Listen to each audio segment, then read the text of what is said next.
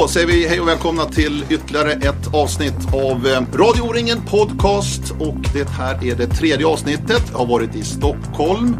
Eh, för två veckor sedan var jag i Hallsberg och nu har jag landat i ett fantastiskt soligt vårvinteraktigt Bålänge. Sitter uppe på kansliet eh, O-ringen och Svenska Orienteringsförbundet. Och fyra stycken fenomenala gäster idag måste jag säga. Och till att börja med så har vi en eh, fyrfaldig världsmästare Peter Arnesson. Välkommen, du får nog luta framåt lite grann sådär. Ja, tack så jättemycket. Och grattis! Tack, tack. Det var några dagar sedan du kom hem nu, men har du hunnit landa? Eh, ja, det är knappt. Det ligger fortfarande på kazakisk tid faktiskt. Så det, nej, det är svårt att förstå. Du har varit med ett tag, men nu är du världsmästare också. Ja, Är det någon speciell känsla? ja det är det. Be- beskriv den. Ja, det, det känns bra så. Det känns bra. ja, Vilken tur! Välkommen Peter! Tack. Eh, vi har också en eh, icke-orienterare verkligen. I form av Niklas Gide. Ja, det var oväntat. Välkommen! Tack så mycket. Otroligt I det här sällskapet. Ja, jag känner mig hedrad. Hur gick det här till? Ja, jag fattar ingenting heller. Hur jag hittade hit. Nej. Min största orienteringsupplevelse att hitta till Orienteringsförbundet. Eh, nej, men det är mycket trevligt att ta del av en liten annan eh, idrottsvärld också. Niklas Ide, femfaldig världsmästare i innebandy. Precis. Eh, Peter tog sina fyra guld på en, mindre än en vecka. Dina fem guld tog du under Ja, det tog tio år. tio år! Så det, ja, det förstår ju mitt tempo. Ja. Nej, men det, jag gratulerar och är otroligt imponerad. Mm. Fyra guld, så det, är- det är mäktigt. Och just det här med att vara världsmästare, det är, man får ju ofta den frågan hur det känns. Man ställer ju den frågan själv i, i yrket som journalist. Det är ju världens bästa fråga egentligen, för det är ju det man vill ha reda på. Men på något sätt så är det svårt att beskriva när man väl står där och har guldmedaljen. Det, det jag minns det är nästan att man mest var nöjd över att alla andra inte fick ha guldmedaljerna. Jag tänker som Finland och Schweiz och de här. Det var mer det som, som var glädjen.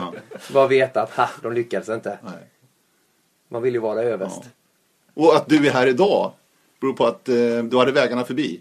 Ja, så är det. Jag hade ju förmånen att få åka med dig igår. Vi var i Karlskoga och gjorde ishockey-playoff och så ska vi till Leksand ikväll. Mm. Och då passade det ju perfekt att stanna till i Borlänge. Och här, det pratas naturligtvis väldigt mycket orientering men det pratas ju oerhört mycket hockey också. Mm, Så man får eh, bra research inför Leksand Södertälje. Vi käkade lunch här nere och du, du blev stoppad där i, när du skulle plocka på maten där. Och det var bara Leksand direkt. Ja, det är bara Leksand, Leksand hela tiden just och alla vet ju allting så det är, det är ju toppen att få Ja. den informationen och verkligen få se hur mycket Leksand betyder för, eh, för hela Dalarna naturligtvis. Men du, eh, orienteringsbakgrund, har du någon sådan? Ja, vi var inne på det lite här innan. Eh, Jag sa att jag fick faktiskt högsta betyg i orientering. Ja. Men jag måste erkänna att jag, jag fuskade. Jag visste att min granne eh, var Växjös bästa orienterare i samma åldersklass då. Och han gick ut med startnumret efter mig. Så jag gömde mig bakom en buske där och tog rygg på honom och vi hade samma karta. hade jag tagit reda på innan då. Så jag hängde med honom hela vägen, hade alla rätt och sen drog jag förbi honom på upploppet och kom in. Så min lärare sa till mig att Niklas jag vet att du är helt värdelös på orientering. Man måste ju sätta en femma. Man hade ju sån, eh, såna betygssystem då ja. Så det är väl, eh, jag tänkte då är det lika bra att sluta när man är på topp. Ja, ja, ja, ja. Men jag är för osmart för orientering helt enkelt. Jag får hålla, hålla på med bollsport istället. Det är kul att du är här, välkommen. Tack. Eh, Mark Baljö, Ja, O-ringen-chefen. Japp. Ja, kul att vara här i Borlänge och uppe i dina Ja. lokaler. Ja, det är skönt.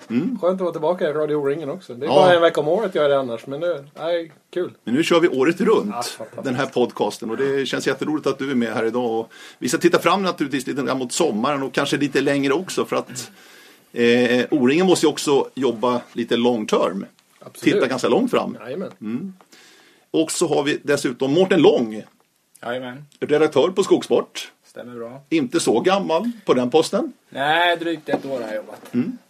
Och hur är det med orientering på heltid på det sättet? Jo, som det- journalist. Ja, men det är faktiskt bra. Det, det känns ju som att det är ganska smalt, men det går att bredda ämnet och försöka hitta nya infallsvinklar. Så att, eh, ja, men jag tycker att jag kommer in i det mer och mer, så att det är jäkligt kul faktiskt. Du, du är ju gammal pappersjournalist, tidningsjournalist. Ja, jag har jobbat på Dala-Demokraten i ungefär tio år. Då. Och du har haft med Niklas Ide att göra. Ja, en del med Niklas. Inte jättemycket, men eh, är väldigt trevligt. Vi hade härliga, härliga bataljer mot Falun där. Vi skrev väl ibland Ja, efter dem ja. absolut, absolut. Speciella matcher. Ja, det var det hårda tag. Eh, Peter Arnesson, fyra guld. Du tog, vann alla individuella distanser där borta. Sprint, medel och lången. Och så vann du sprintstafetten med Tove Alexandersson. Ja. Hur, hade det här varit möjligt för tio år sedan? Eh, nej, då fanns det ju faktiskt bara fyra licenser. Ja, men om vi ser till din egen prestation. Vad betyder erfarenheten i sån, i sån här idrott som skidorientering? Ja, erfarenhet, alltså det, det betyder allting tror jag.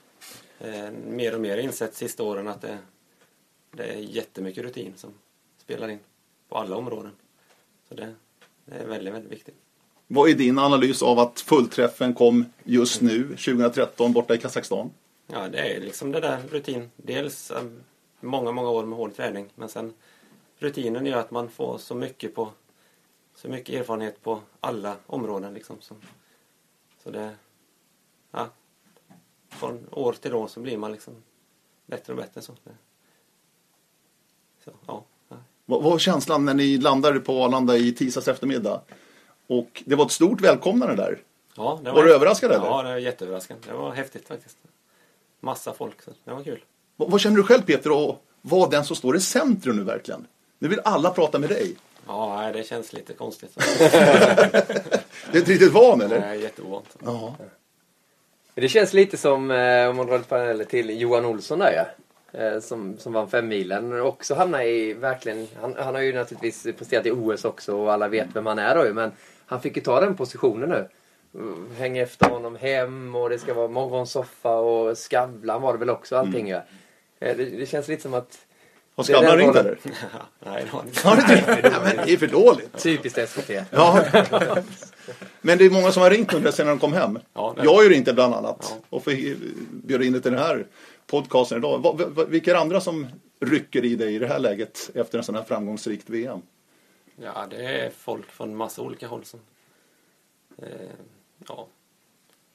Det är svårt att säga någon exakt, men Mm. väldigt mycket folk så. så. Du var på radion igår va? Här, lokal. Ja, Ja. idag är det Dalarna. För Johan Olsson sa en bra sak också efter det här. Nu ska jag suga på den här karamellen och verkligen utnyttja läget och säga ja till allting. Resonerar du lite samma sak Peter? Ja, lite så är det. Det, är, det hade ju varit skönt nästan att åka iväg en vecka någonstans för sig själv kanske, men samtidigt så, det här kanske man bara upplever en gång så gäller det att vara med på allt man kan tycka. Är det. Du, Det är ja, bara en gång, det är första gången i alla fall. Ja, När du precis. vinner fyra VM-guld. Ja, Vad hade, vad hade du för målsättning där själv när du åkte iväg? Ja, det var det. Det saknades ett VM-guld, så det var det som var. Samtidigt vet man att nu har jag åkt, det var sjunde VMet och det är så jävla svårt att få att allt ska klaffa om man ska vinna. Så mitt mål var egentligen att göra ett, ja, egentligen mitt bästa lopp någonsin. Mm. Rent orienteringsmässigt. Och då vet jag att då räcker det långt liksom. Men om man ser, vi har ju förmånen att ha kartorna framför oss här. Det ser ju fantastiskt tekniskt ut. Eh, Kan det, det är också en anledning till att, att svenskarna lyckades så bra. Att ni är duktiga på att orientera även utan skidor på fötterna. Ja, lite så tror jag. Det passar oss bra tror jag det här. Och det passade mig jättebra med både terrängen, spårsystem och, och svårighet med kartan och allting. Så, så. Eh, ja. vad var den största utmaningen där borta i Ridder City? Många och framförallt vädret vart ju lite speciellt.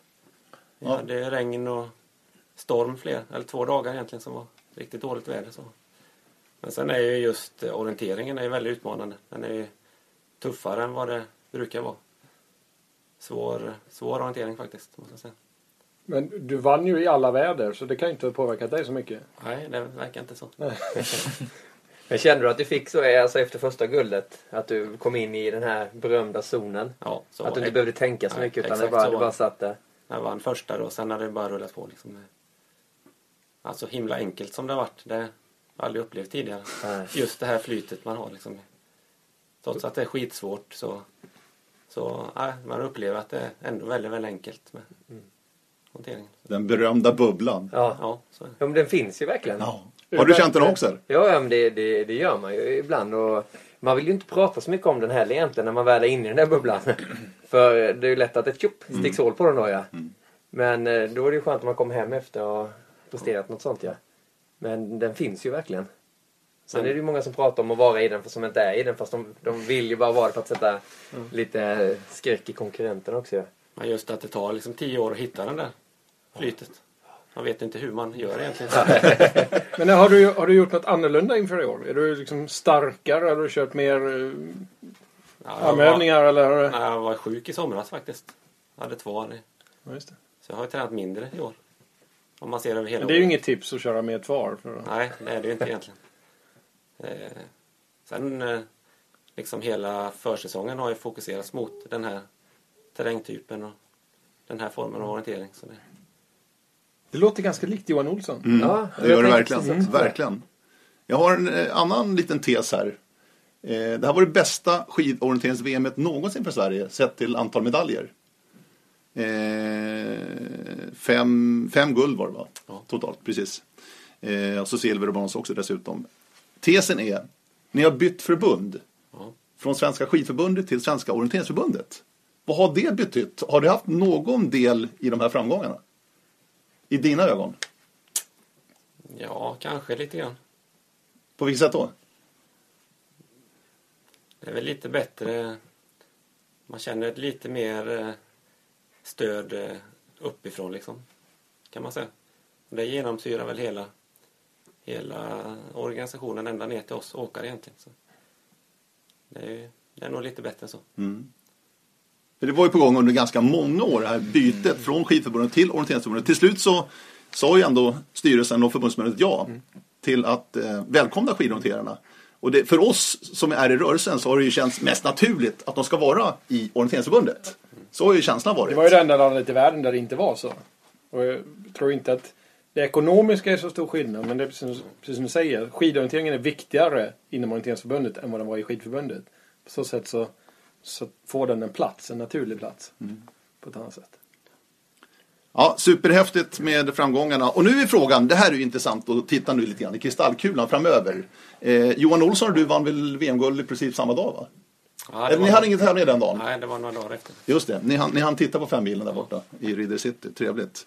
Men vi ska summera det här året. Vi har ett bragdguld, vi har Jerringpriset, vi har Idrottsgalan där Idrottsakademin ska nominera då till Årets manliga idrottare, Årets prestation.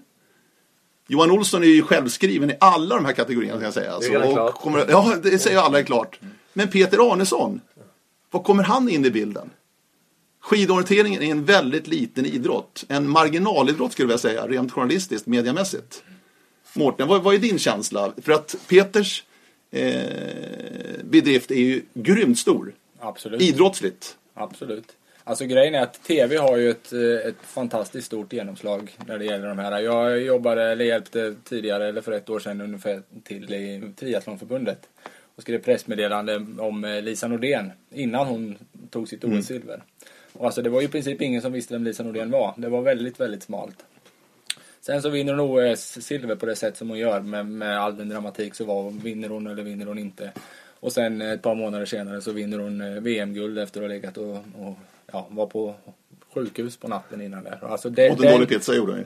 Ja, Ja. ja. exakt. Och den, alltså den, den dramatiken, den, den är ju svår att få. Alltså har man inte sett det på tv själv så har man inte samma bild och då får det inte samma genomslag. Liksom. Jag tror att det, tyvärr är det så enkelt.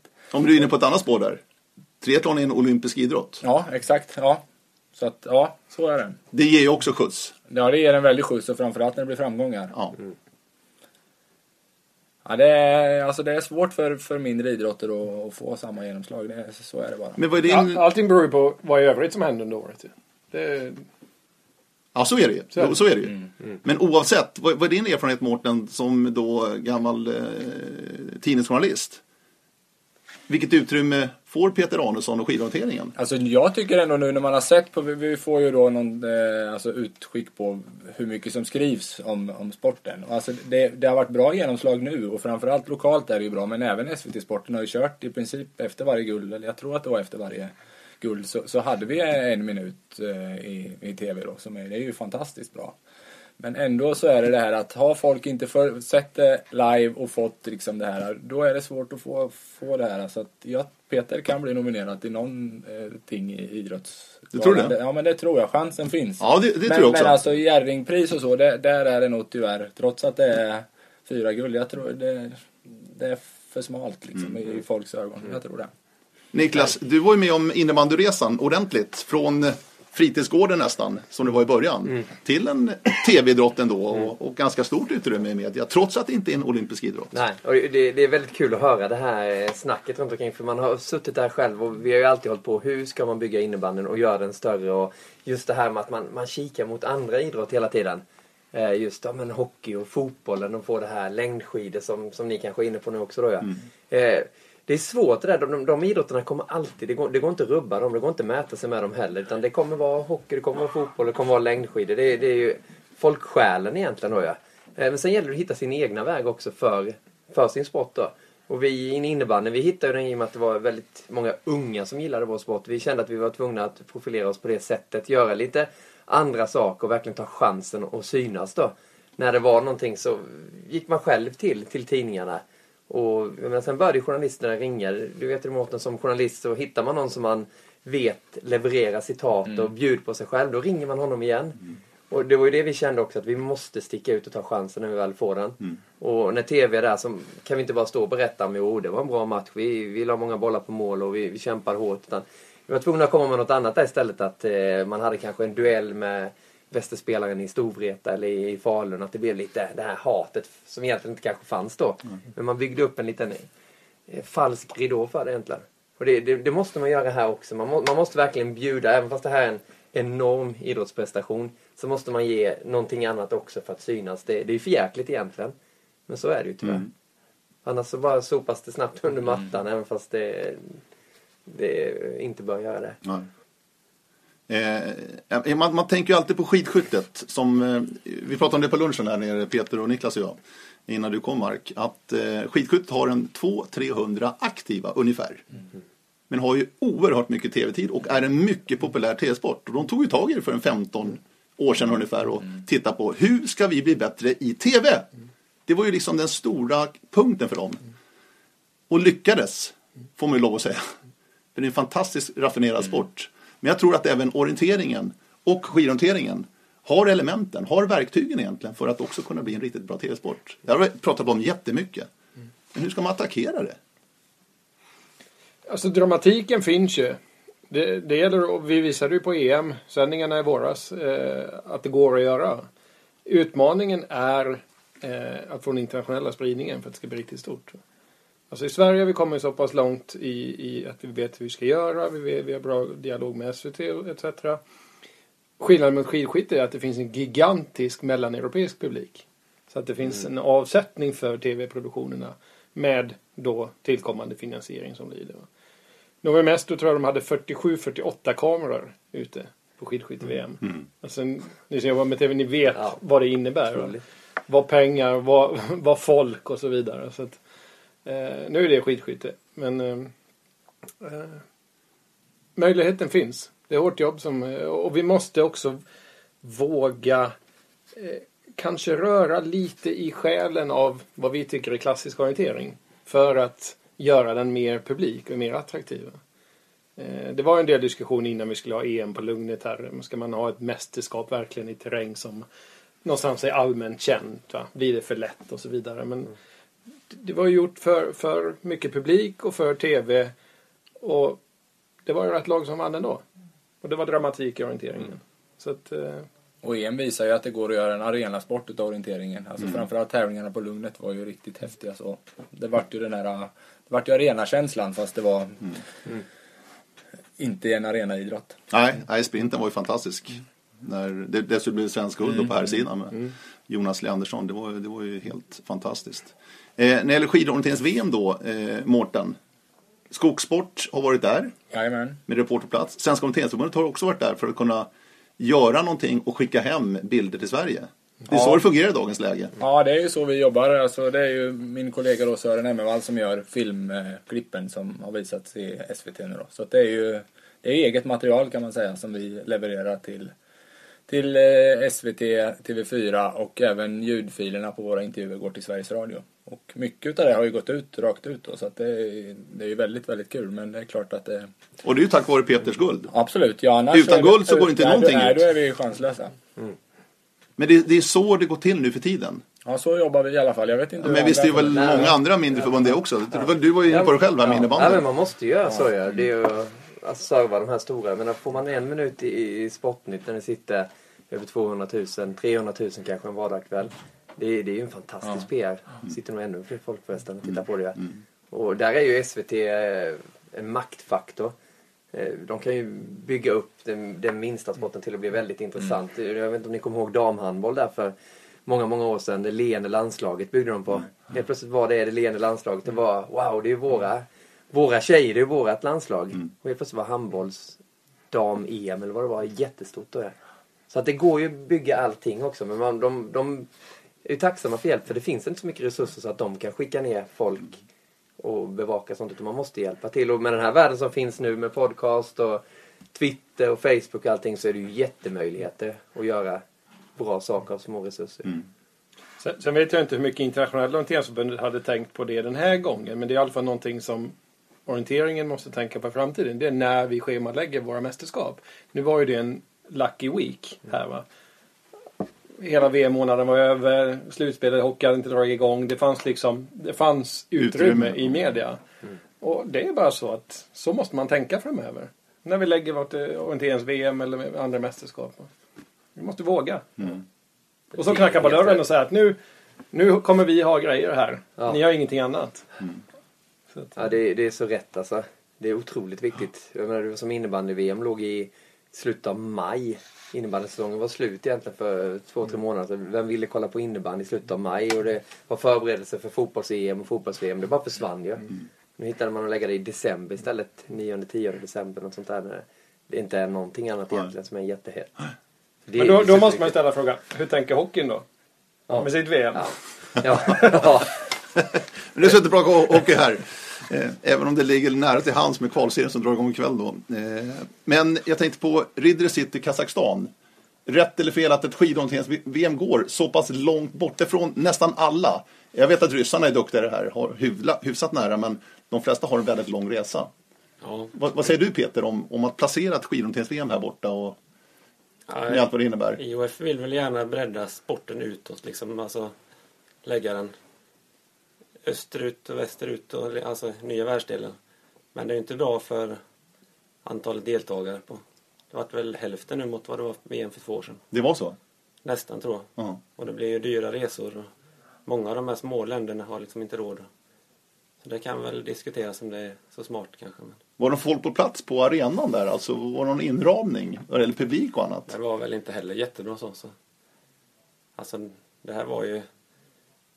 Stadion låg väl längst liksom bort vägens ände på, på det där stället. Liksom. Det, Okej. det finns ju inte mycket folk att tillgå. Så det, det går säkert att hitta bättre ställen så. Ja.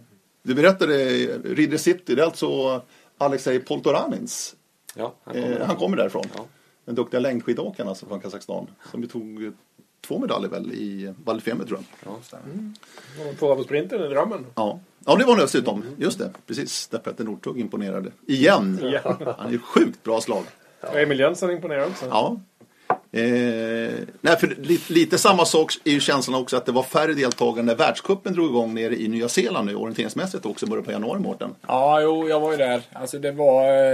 De mindre länderna hade ju helt enkelt inte råd Nej. att åka dit. Så att, eh, jag var ju själv i Lettland och träffade världsmästaren på medeldistans och Edgars Bertux i höstas. Och han valde att inte åka dit av, av framförallt av ekonomiska skäl. Och det är ju synd när inte alla...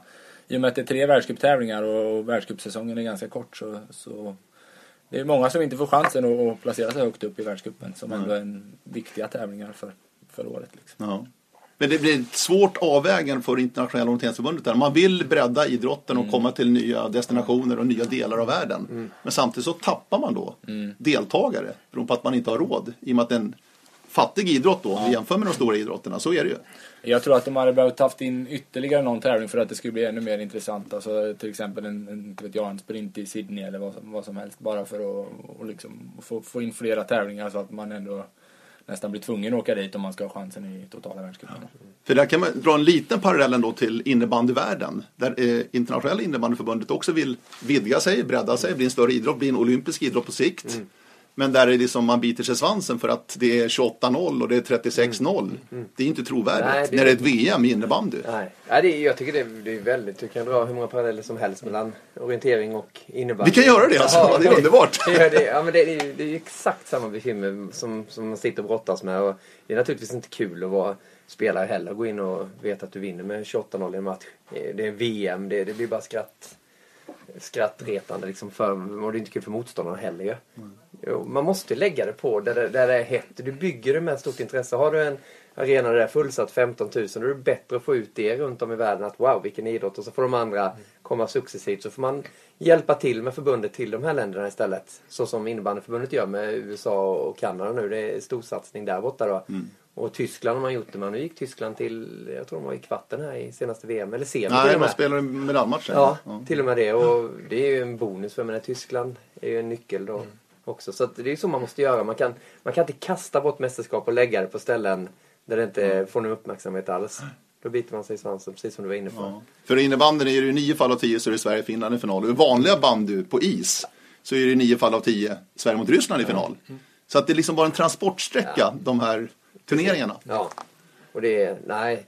Och det, och det jag är lite intresserad av hur, hur det ser ut liksom med OS-chans och möjligheter för orientering och sånt. Hur, hur går snacket där egentligen?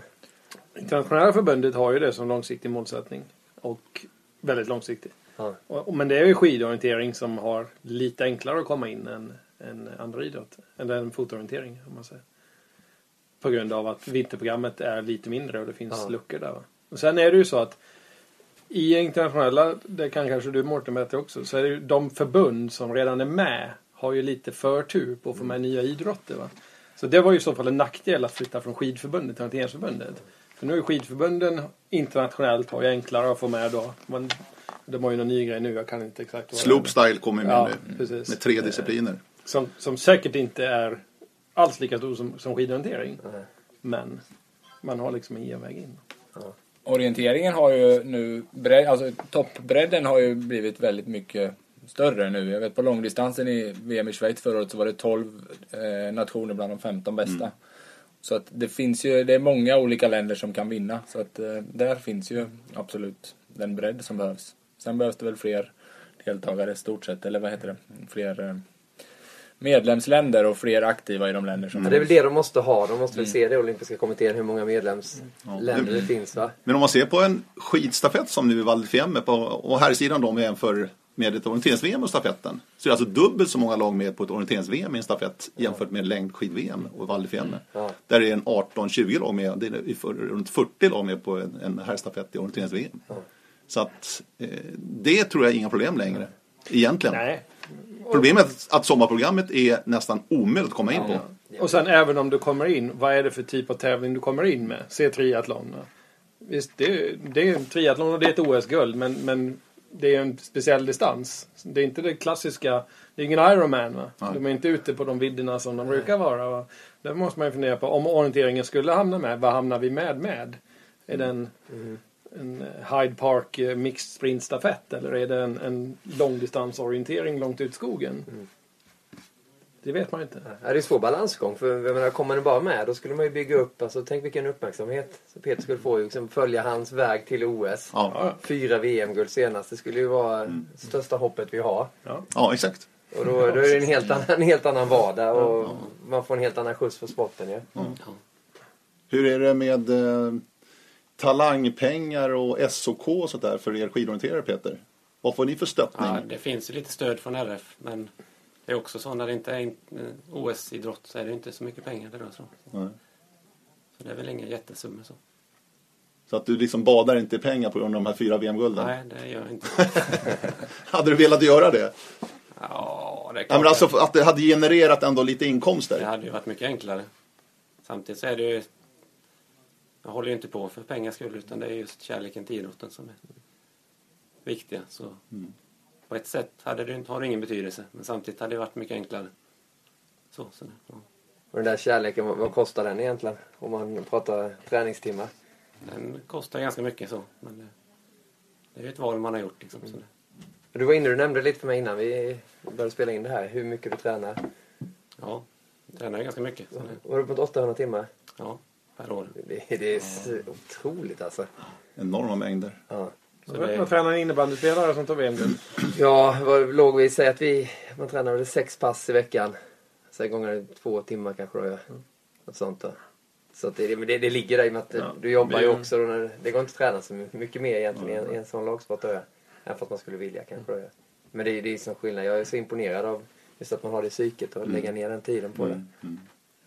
Du, eh, materialmässigt, skidmässigt är jag lite nyfiken bara innan vi ska lämna det här ämnet och gå vidare. Men Ja. Har ni kortare skidor beroende på eh, smala spår och det här? Eller hur, hur funkar det där? nej, vi har precis samma skidor som en längdåkare. Okej. Eh, man kan ju åka med kortare skidor men då blir skidorna så mycket sämre. Liksom, de är byggda för en viss längd. Liksom, och, och du har liksom ingen fördel av att åka korta skidor heller egentligen. Utan du kan ändå inte skata på, på de här en meter breda spåren. Så Nej. nej, det är samma som längd. Men, men ni hugger er fram mera va? Ni ligger inte på trehandsväxel så mycket? Nej, det, är en väldigt speciell teknik faktiskt att ta sig fram. Ja, jag kan tänka mig det. Smala skoterspår. Hur, hur tränar man upp det? Hur övar man upp det? Har du någon som kör upp med skoter här uppe i, i Borlängetrakten? Ja, vi har ju någon gång ibland vi kan lite hjälp sådär. Samtidigt så kan man ju man kan ut och åka på skoterleder och man kan ja, träna på det som finns. Liksom. Man kan åka på vanliga skidspår också. Behöver inte utnyttja hela bredden. Så. Det finns massa olika sätt att träna på faktiskt. Och nu var det ju, Mårten var inne och tittade på kartorna och jag också ser kartan framför mig. Det, var- det är väldigt mycket, eller var väldigt mycket smalspår Ja, under VM. ja, Är det någonting också som gynnade dig? det tror jag. Det, det brukar passa väldigt bra och det har jag tränat för väldigt många år faktiskt. Just det här med smala skoterspår och ta sig fram. Så. Definitivt var det en fördel för min del. Ja, alldeles tydligt.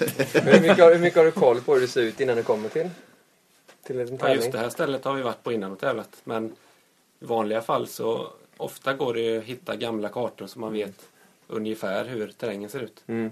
Sen är ju spårsystemet nytt varje gång så det går ju aldrig liksom att, att ha någon större fördel. Nej. Men just att det här visste man att det här är en stor sluttning och kuperat och kommer bli svår orientering. Så, så.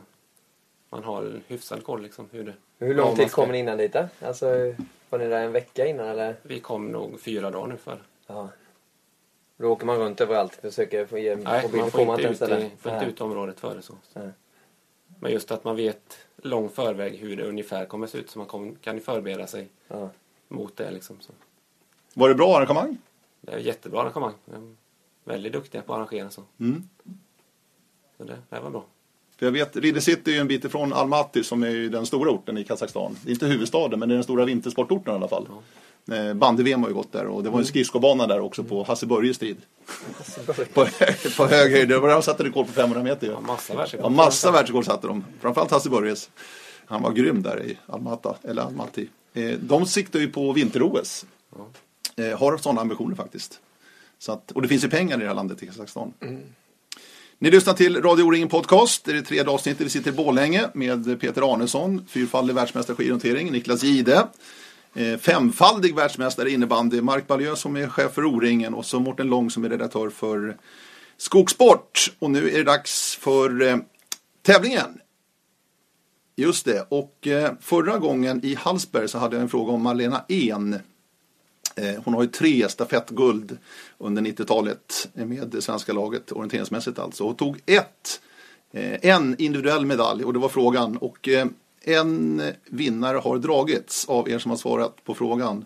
Och det är Eva Gustafsson som har svarat rätt. Grymt, en liten applåd va? Verkligen.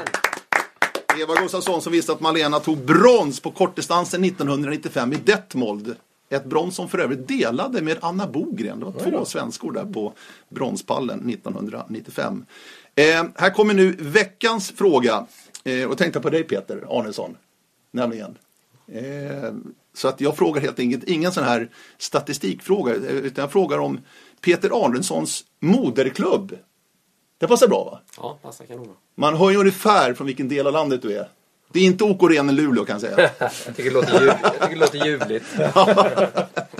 eh, moderklubben alltså, Peter Arnessons moderklubb, det är frågan. Och eh, skicka in ett svar till radio oringen.se Mail alltså radio oringen.se. Så vet ni att det finns på Twitter också. Eh, radio understreck oringen hittar ni på Twitter också. Nu tänkte jag ta oss vidare in i eh, O-ringens sköna värld. Niklas Ide sitter och bläddrar i nya O-ringen-tidningen. Ser du det Mark? Jag är otroligt imponerad av kvaliteten i den här tidningen också. Jaha. Det, verkar, ju- det är nästan så jag blir sugen på att åka till Boden. Det tycker jag verkligen du ska Ja. göra. Det är redan intecknat. Mark har noterat det här, det är bra. Eh, jo, det kom igår tror jag, eh, siffrorna från eh, Vasaloppsveckan. Det här året med eh, drygt 66 000 åkare anmälda till eh, alla loppen då under Vasaloppsveckan. Om vi jämför det med antal starter i fjol under Halland, som ju var ett väldigt lyckosamt O-ringen med många deltagare, så ligger ju Vasaloppet i lä. Ja, vi hade 102 000 någonting drygt. Ja. Eh, så att de är lite mindre än oss. Ja. Vi- Visst är det häftigt? Och det där kommer inte fram riktigt. Nej, men det där kommer inte fram riktigt, Mark. Nej, Hur vi- stort O-ringen är. Vi behöver ju bli lite kaxigare i vår eh, nationella och internationella kommunikation. Absolut. Mm. Så att, eh, det finns ju många sådana positiva och, stora tal att ta fram om O-ringen. Eh, men det är ju lite grann... O-ringen har ju varit till för orienterarna.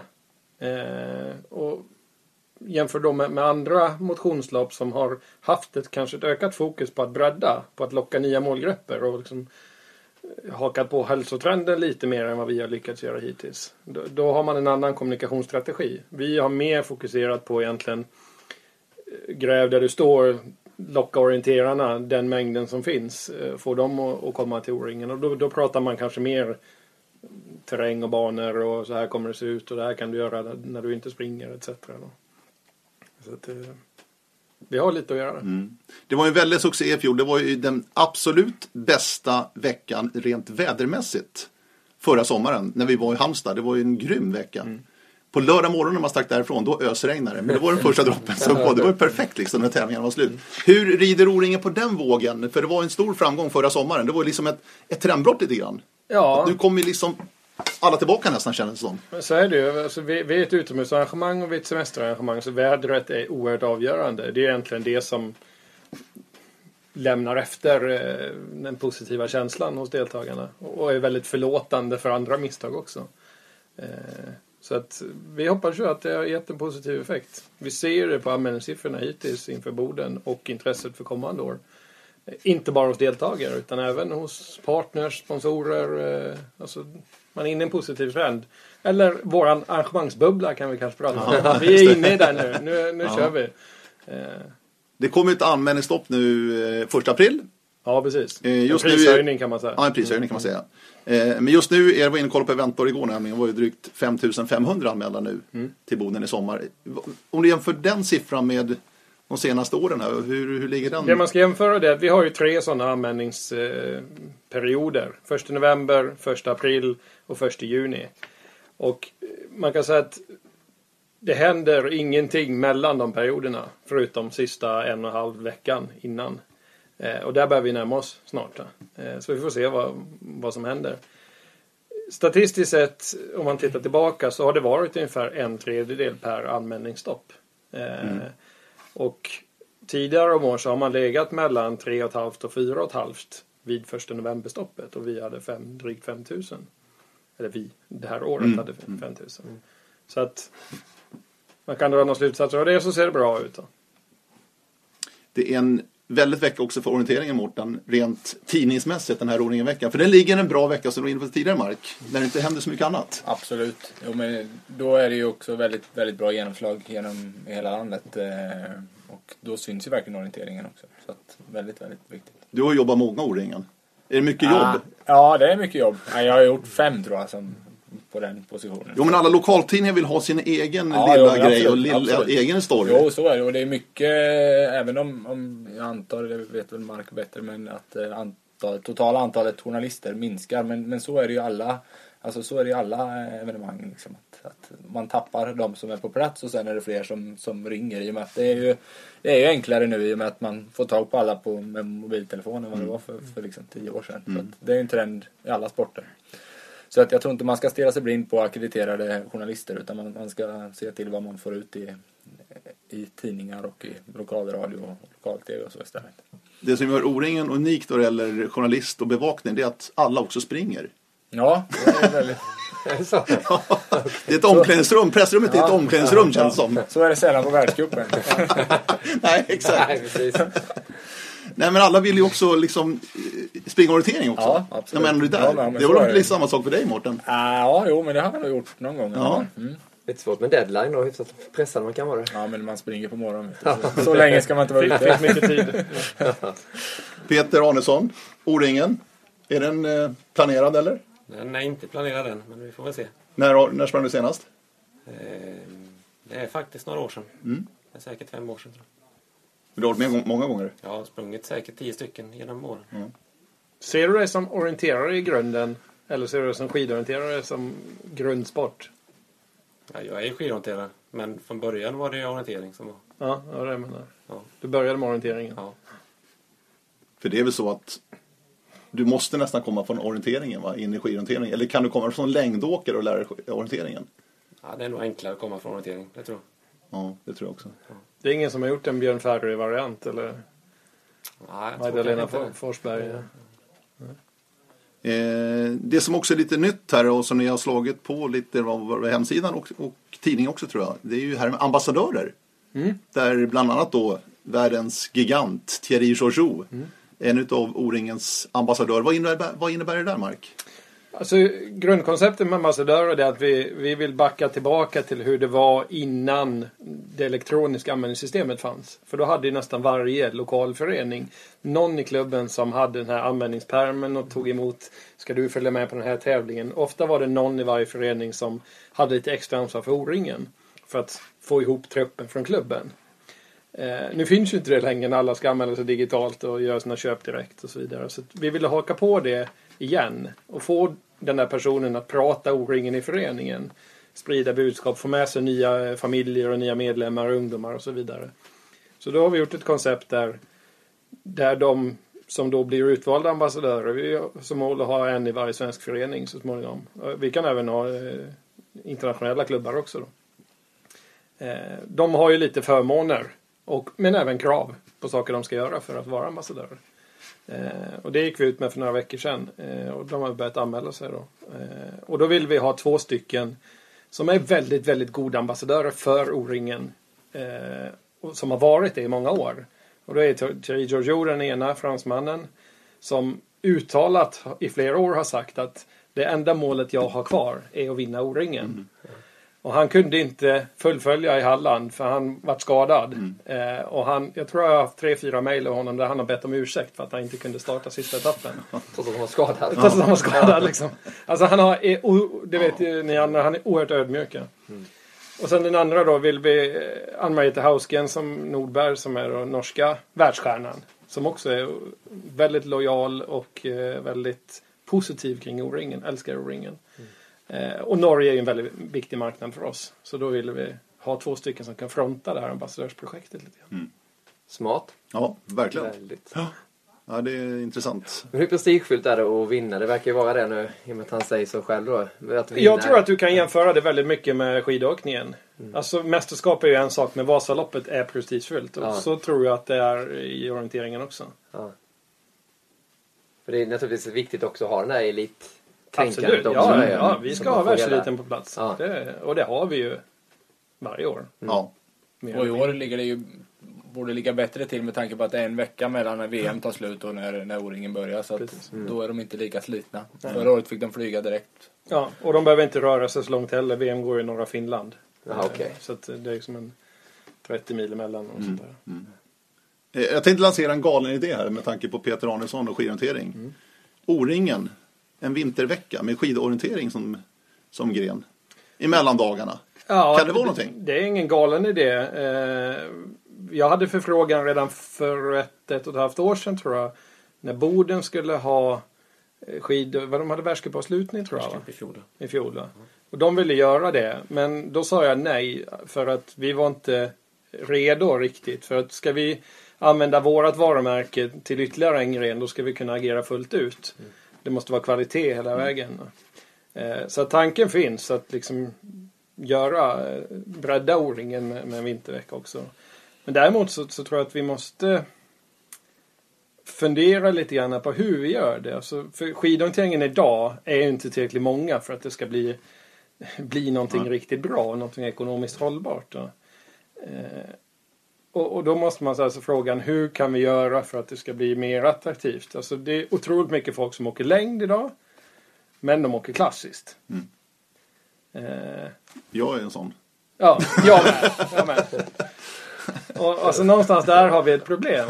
Eh, hur kan vi liksom utveckla skidorienteringen så att den ska passa fler? Ja. Vad säger du Utan att förstöra toppidrotten. Ja. Men, Ja, det är ju så att man kan ju faktiskt åka klassiskt på tävlingar. Det behöver inte vara ett klassiskt spår. Nej. Så jag har ju svårt att se varför folk, varför orienterare inte åker mer skidorientering. Ja. Just att man kan ju faktiskt åka klassiskt. Mm. Och för stora flertalet så går det fortare att åka klassiskt. Så. Det, nej. Vad säger du om den här idén om en uh, O-ringen Vinter Edition? Ja, det låter väl väldigt spännande. Tycker Ja, jag tycker det. Ja, jag förstod nästan det. ledande fråga. Nej, ja, precis. Nej, men, men alltså, men, jag tror inte det handlar bara om att det är lite komplicerat, man är lite rädd också. Men med tanke på så många som älskar orientering i det här landet, det ser man ju bara på O-ringen då, så är det klart att de skulle vilja orientera även Ja. på, på vintern. Det verkar ju konstigt annars. Det är som jag som är golfare, det är klart att jag skulle vilja spela golf på vintern också, men det, det går ju inte. Nej. Men det är väl att det är, det är smidigt att bara ställa sig ett längdspår som är uppkört, men orienteringen så, hur ska du göra det? Nej, nej, det krävs mycket jobb alltså. Enormt mycket jobb. Det är det ju. Man ser de här kartorna bara från skidorienterings-VM. Så det, det man, man behöver inte göra så här svårt. Man kan Nej, göra det mycket nej, nej, enklare. nu är det VM-varianter där i och för sig. Det- Det är helt rätt.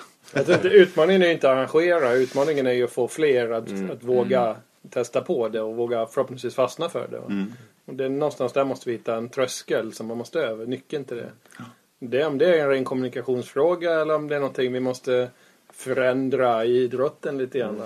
Light, light variant eller Ja. någonting. Jag tänker på eh, Vasaloppet en gång. Som ju Cykelvasan har blivit en jättesuccé. Har ju bara gått ett par, tre år. Och är redan liksom är ju dunder, dunder populär. Så att de försöker ju också vidga sig och liksom försöka smeta ut över året. Och jag menar O-ringen är ju också en stor organisation och har mycket folk och, och det här. Ja. Så man tittar kanske på, på sånt Det på sikt, vi. visionerna lite grann. Visionen är absolut så. Jag, jag ser ju framför mig att mountainbiken som nu nästan dubbleras från år till år. Den kommer vi inte klara av att ha inom ramen för O-ringen-veckan i framtiden. Om den utvecklas så som vi vill. Utan då tvingas vi av rent logistiska praktiska skäl eh, att hitta en annan vecka, en annan tid på året. Mm. Eh, så att vi, vi är på väg ditåt. Sen är det bara frågan om hur lång tid det tar. Vad ser du annars framför dig Mark när det gäller O-ringen? Nu är det ju utsett arrangörer ett antal år framöver. Det är ju Kristianstad nästa år, Skåne alltså. Mm. Borås 2015. Sälen blev utsett nu. Mm. Inte för inte så länge sedan, till 2016. Eh, hur liksom ser framförhållningen ut? Vad, vad är pipen sen framöver? Vad, vad ser du O-ringen ta vägen? Jag ser ju, eh, alltså viktigt för oss eftersom vi är en semestervecka, det är att vi flyttar runt till attraktiva semesterorter. Visst, orienteringen ska vara bra, men sen måste det vara någonting mer också. Framförallt om vi ska ha, få med oss de där som inte är superfrälsta, som någonstans bygger volymen. Eh, Eftersom det är så pass lång tid man är där också. Det är väldigt stor skillnad mot att åka Vasaloppet. Då kan du åka upp själv kvällen innan och åka Vasaloppet och familjen är fortfarande hemma. Eh, så är det inte på O-ringen. Deltar du på O-ringen så är du där sju dagar. Sju nätter. Det vet vi. Annars ska du inte vara med nästan. Så att jag ser att det är oerhört viktigt. Och rent arrangemangsmässigt så ser jag att vi, vi kommer att behöva jobba mer och mer med kvalitet i kärnprodukten. Och jag tror att vi kommer att behöva skala ner vissa delar. Eh, alltså plocka bort saker som vi gör idag. För att skapa mer fokus på kvalitet och på kärnprodukten. Eh, och hitta andra lösningar. Med partners, med, med andra leverantörer etc. För att, för att hålla rätt kvalitet. Hur är intresset alltså bakom Sälen då? Finns det intresse- intressenter redan nu som har Ja, liksom det anmält sitt intresse? Alltså, d- det är ju så att, att arrangera, eller ansöka eller komma till stånd med ett O-engagemang är en ganska lång process. Så. Förstår det. så det är inte bara, det är inte så att det trillar ner en ansökan i min mailbox längre. Så kanske det var förr. Utan jag har ju ett antal potentiella eh, idéer och, organisationer som vill arrangera. Som jag kontinuerligt har en dialog med. Eh, där jag också bidrar väldigt mycket i att skapa det konceptet och placera det. Eh, så att när man väl kommer så långt så har man ju ofta styrt det där lite grann. Att där ska vi nog göra det då och det och på det sättet. Så att det faller sig ganska naturligt. Mm. Men så att jag har en fem, sex olika kanske. Som jag... Jag tycker det är dags att Gotland igen snart. Alltså. Ja, men det, på tal om turism och sommar Ja. så är ju Gotland, ja, det är ju mitt i prick måste jag säga. Det, det har ju nämnts en del och, och utmaningen med Gotland är logistiken. Ja. För man tror att ja, men de tar jättemycket folk. Ja, det gör de. Men om vi ska dit med 15, 20, 25 000 pers på en och samma dag. Då räcker inte trafiken till. Nej. Färjetrafiken pallar inte det. Va? Och bygga en bro vet du. De bygger en Ja, bro. precis. Det kommer inte den här bron. Det här är ju perfekt. Vi löser hela samhällsproblem. Ja. Öland. Ja, Eh, Öland. Öland är är svårt att orientera. Ja, någon etapp kan man kanske köra, men jag tror inte fem etapper. Det blir nog riktigt tufft. svårt faktiskt. Ja. Nej, men det finns ju många spännande ställen Ja, ja, i ja, Sverige att, Ja. vara på. Ja. Så att, eh, det är inget snack om det. Svenska fjällen är intressant också. Svenska fjällen är intressant. Eh, Hitta mer gränstrakter för att göra spännande. Ja, kanske mot. Norge Ja. någonting. eh. Alltså, det finns ju jättemånga fina områden i Sverige. Alltså, e- eftersom orientering mycket bygger på terrängen och Mm. det orienterarna vill ha så, så kan man hitta guldkorn. Mm.